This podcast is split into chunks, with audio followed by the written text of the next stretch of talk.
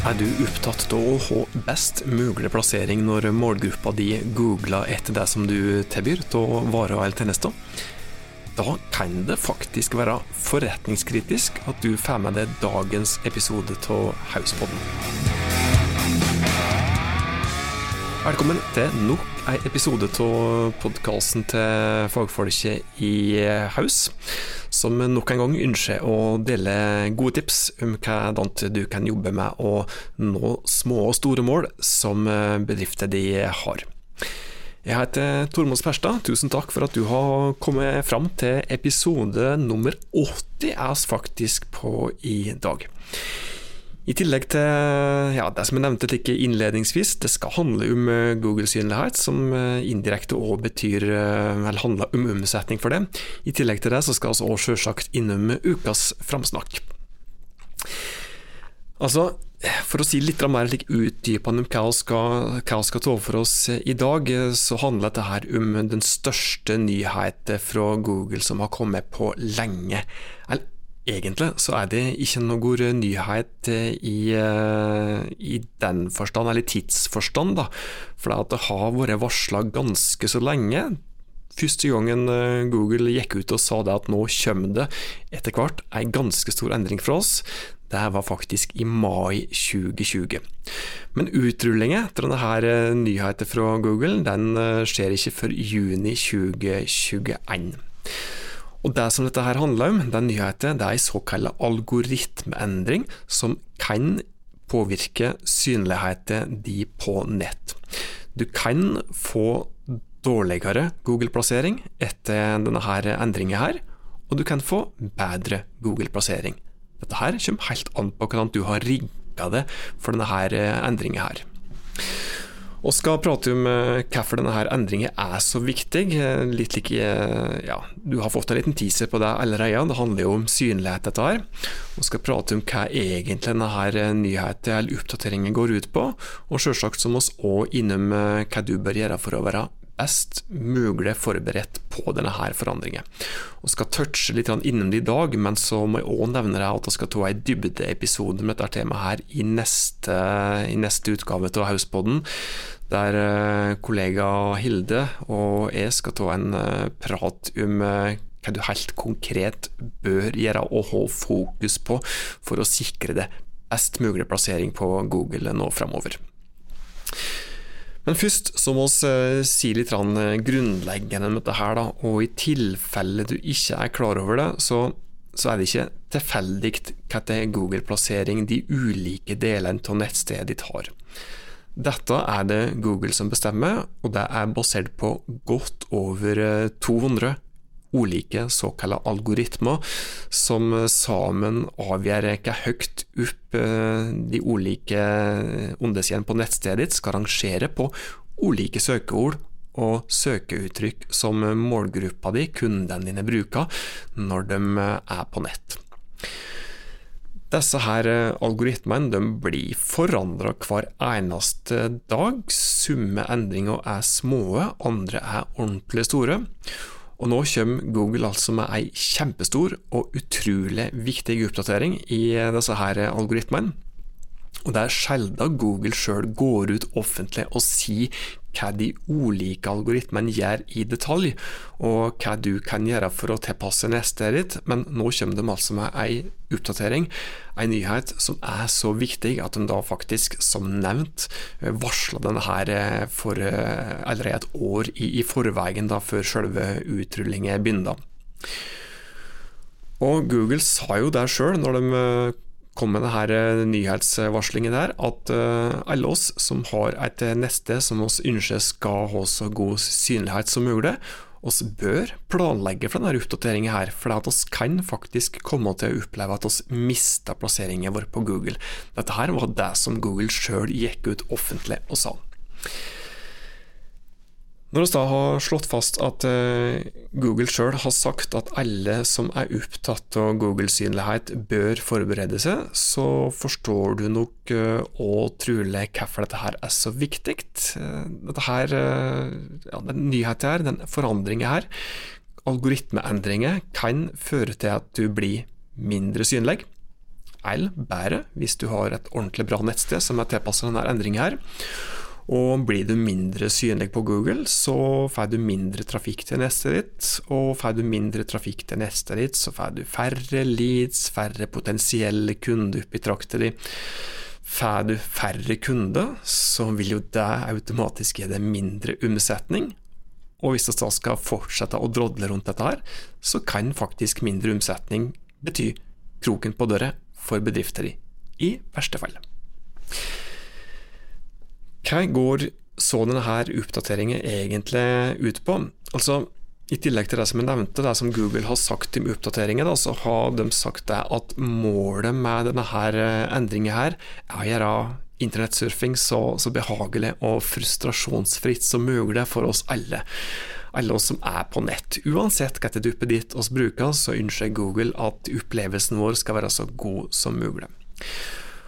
Og for å gjøre oss så gode som mulig, da, så vil jo da Google eh, dytte de, de nettsidene som da gir den beste brukeropplevelsen, så høyt opp i søkeresultatet som mulig.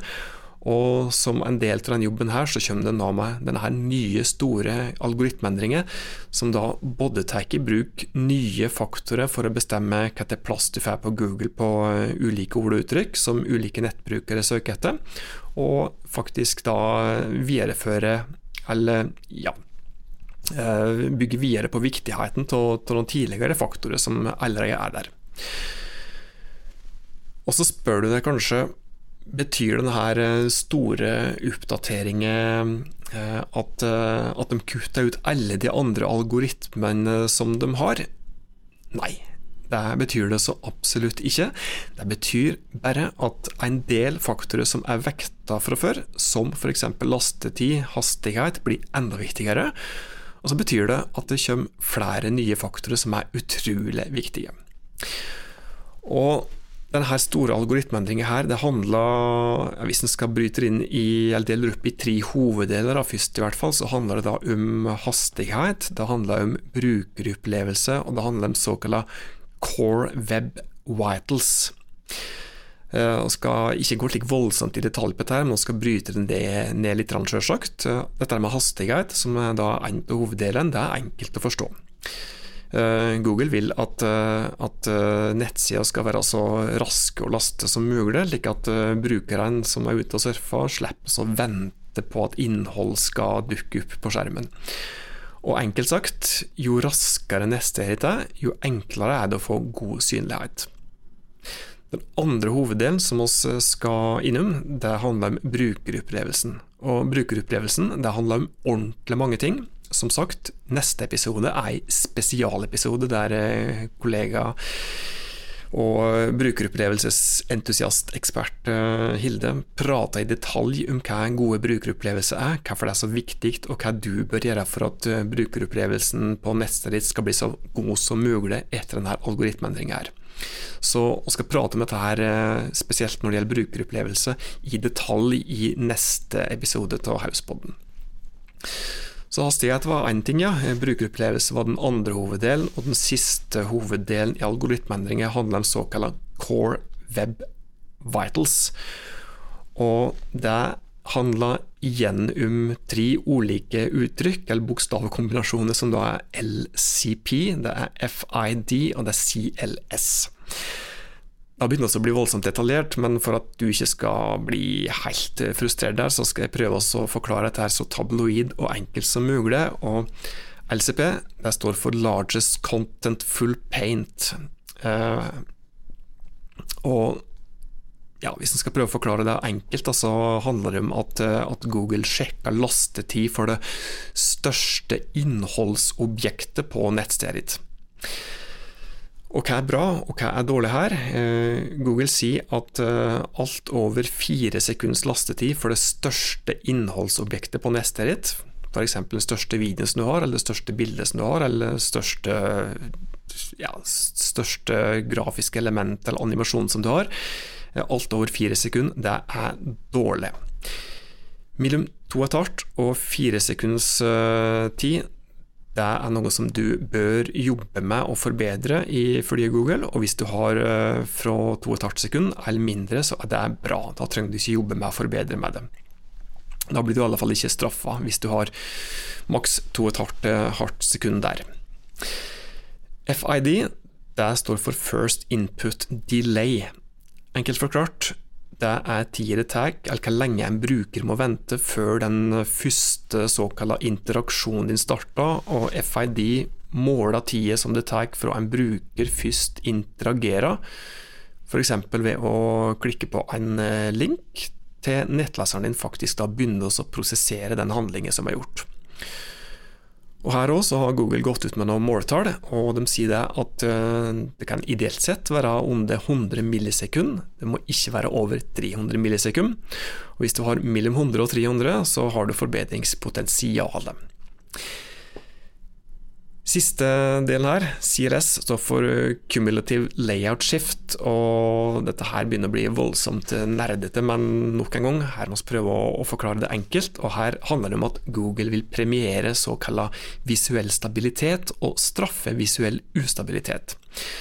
Straffa f.eks. ved at eh, store banner som plutselig tar over store deler av skjermen, eh, da vil, eh, kan gi det dårligere synlighet. Det er også sannsynlig at andre former for såkalt visuell ustabilitet, som f.eks. en animasjon som kommer skliende inn fra sida når du scroller, altså slike typiske fancy visuelle ting som gjerne du får med når du bruker slike ferdige maler som mange byråer òg faktisk bruker, men som ikke nødvendigvis er så bra, eh, og som ikke har noe mål og mening, det kan faktisk straffe seg for deg, i form til at du kan få redusert synlighet. Men mer om dette her skal selvsagt prate om i, i neste episode til Hauspodden, når vi virkelig skal gå i detalj på dette her, som handler om hvordan du kan jobbe med å få ei brukervennlig nettside. Og Det er òg andre ting i denne algoritmeendringa som ikke er nye, men som blir viktigere, som bl.a. det at du skal ha et sikkerhetssertifikat, SSL, på, på nettstedet ditt. Hva bør du så gjøre? Jo, det er viktig at du forbereder deg. For det første at du setter inn i hva denne algoritmeendringen betyr. og Det hadde du nå fått litt input om hvis du var fyrt med i disse her ja, ca. ti minutter som vi har pratet om dette her. Det er lov eh, å spørre oss eh, om detaljer dette her òg, hvis, hvis, du lurer på det. Du bør òg teste nettstedet ditt. Det finnes eh, flere verktøy som du kan bruke for å få en indikasjon på hva bra nettstedet ditt er, er rigga for denne algoritmeendringen, og en del av dem er tilgjengelig gratis. Google har faktisk flere verktøy som du kan bruke. Andre verktøy må du betale for. Ja, hvis du har eh, lyst på en teknisk analyse fra, fra oss eh, i huset òg, så kan vi eh, fikse det gratis for det. Send oss en DM på Insta, så skal vi sende deg en slik overordna teknisk analyse. Den går ikke i detalj på disse nye algoritmeendringene, men der kan du bl.a. Få, få en indikator på hva, hva greit det står til med nettstedet rent teknisk. da. Når du da har testa, så er det viktig at du bruker den testen til noe godt, og du har faktisk jobba med å forbedre.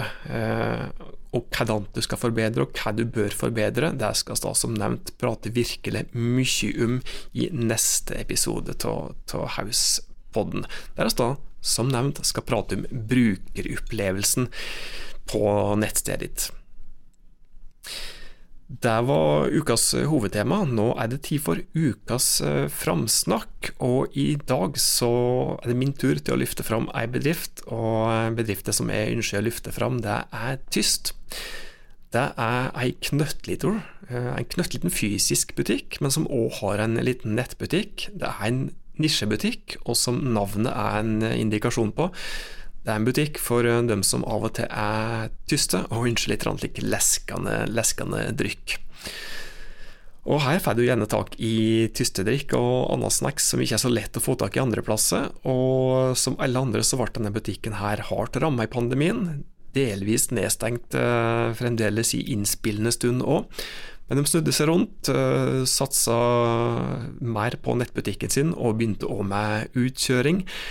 Og eh, de greide seg da, eller i hvert fall greide seg så langt eh, over denne her eh, pandemikneiken.